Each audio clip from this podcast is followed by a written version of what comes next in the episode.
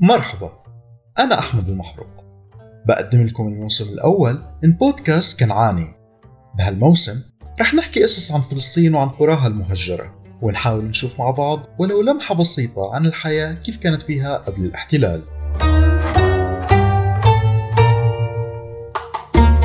وكنا بلشنا مشوارنا الكنعاني لحتى نأكد على عروبة هاي الأرض ونأكد إنه عمرها ما كانت فاضية.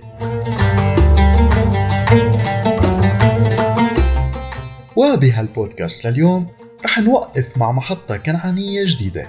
قريتنا لليوم من قضاء الناصرة هي قرية إندور.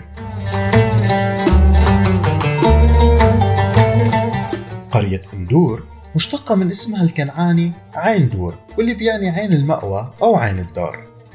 القرية كانت موجودة على السفوح الشمالية الشرقية لجبل الضاحي. وبتتجه صوب الشمال وبتشرف على مرج ابن عامر وبتبعد شوي عن الطريق العام الواصل بين الناصرة وطبرية. وبسبب طبوغرافية الأرض للقرية كانت بيوتها تتألف من سلاسل ملتوية وكانت مبنية من الحجارة والطين وعمره ما كان الدين حاجز بين سكان أهل هاي القرية المسلمين والمسيحيين. أيام الحكم العثماني انبنى بهاي القرية مدرسة وحتى كان يجيها تلاميذ من قرية نين المجاورة لإلها. لكن حكومة الانتداب البريطاني أغلقتها. سكان القرية كانوا بيعملوا بتربية المواشي غير زراعتهم للحبوب والحمضيات والموز.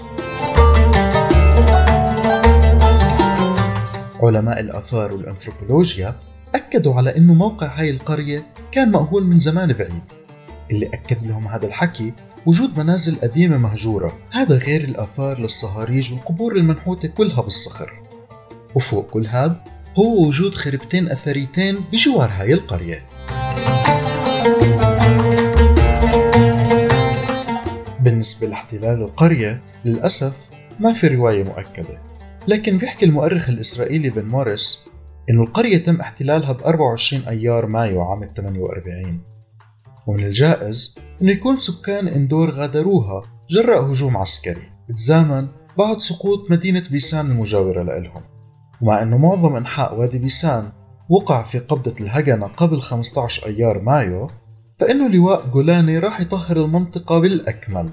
وما استثنى ولا قرية بالمنطقة.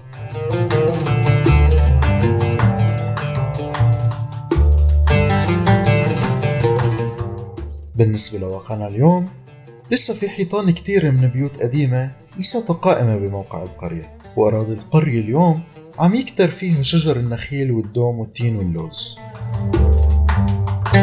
وبقية أراضي القرية خصوصا المستوية منها عم يزرعها الاحتلال الإسرائيلي أو عم يستخدمها كمراعي لمواشي.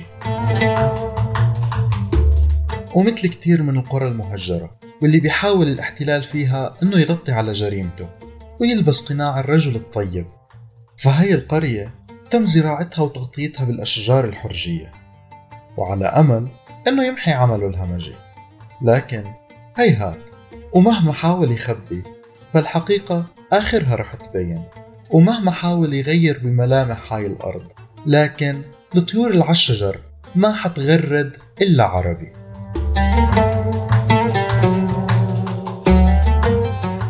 هذا البودكاست قدم لكم إياه أحمد المحروق. إذا عجبتكم هاي الحلقة أو حبيتوها يا ريت تدعمونا بالاشتراك والتقييم وتشاركوا هاي الحلقة مع أصحابكم خليهم يعرفوا أكثر عن المحتوى اللي بنقدمه بهذا البودكاست.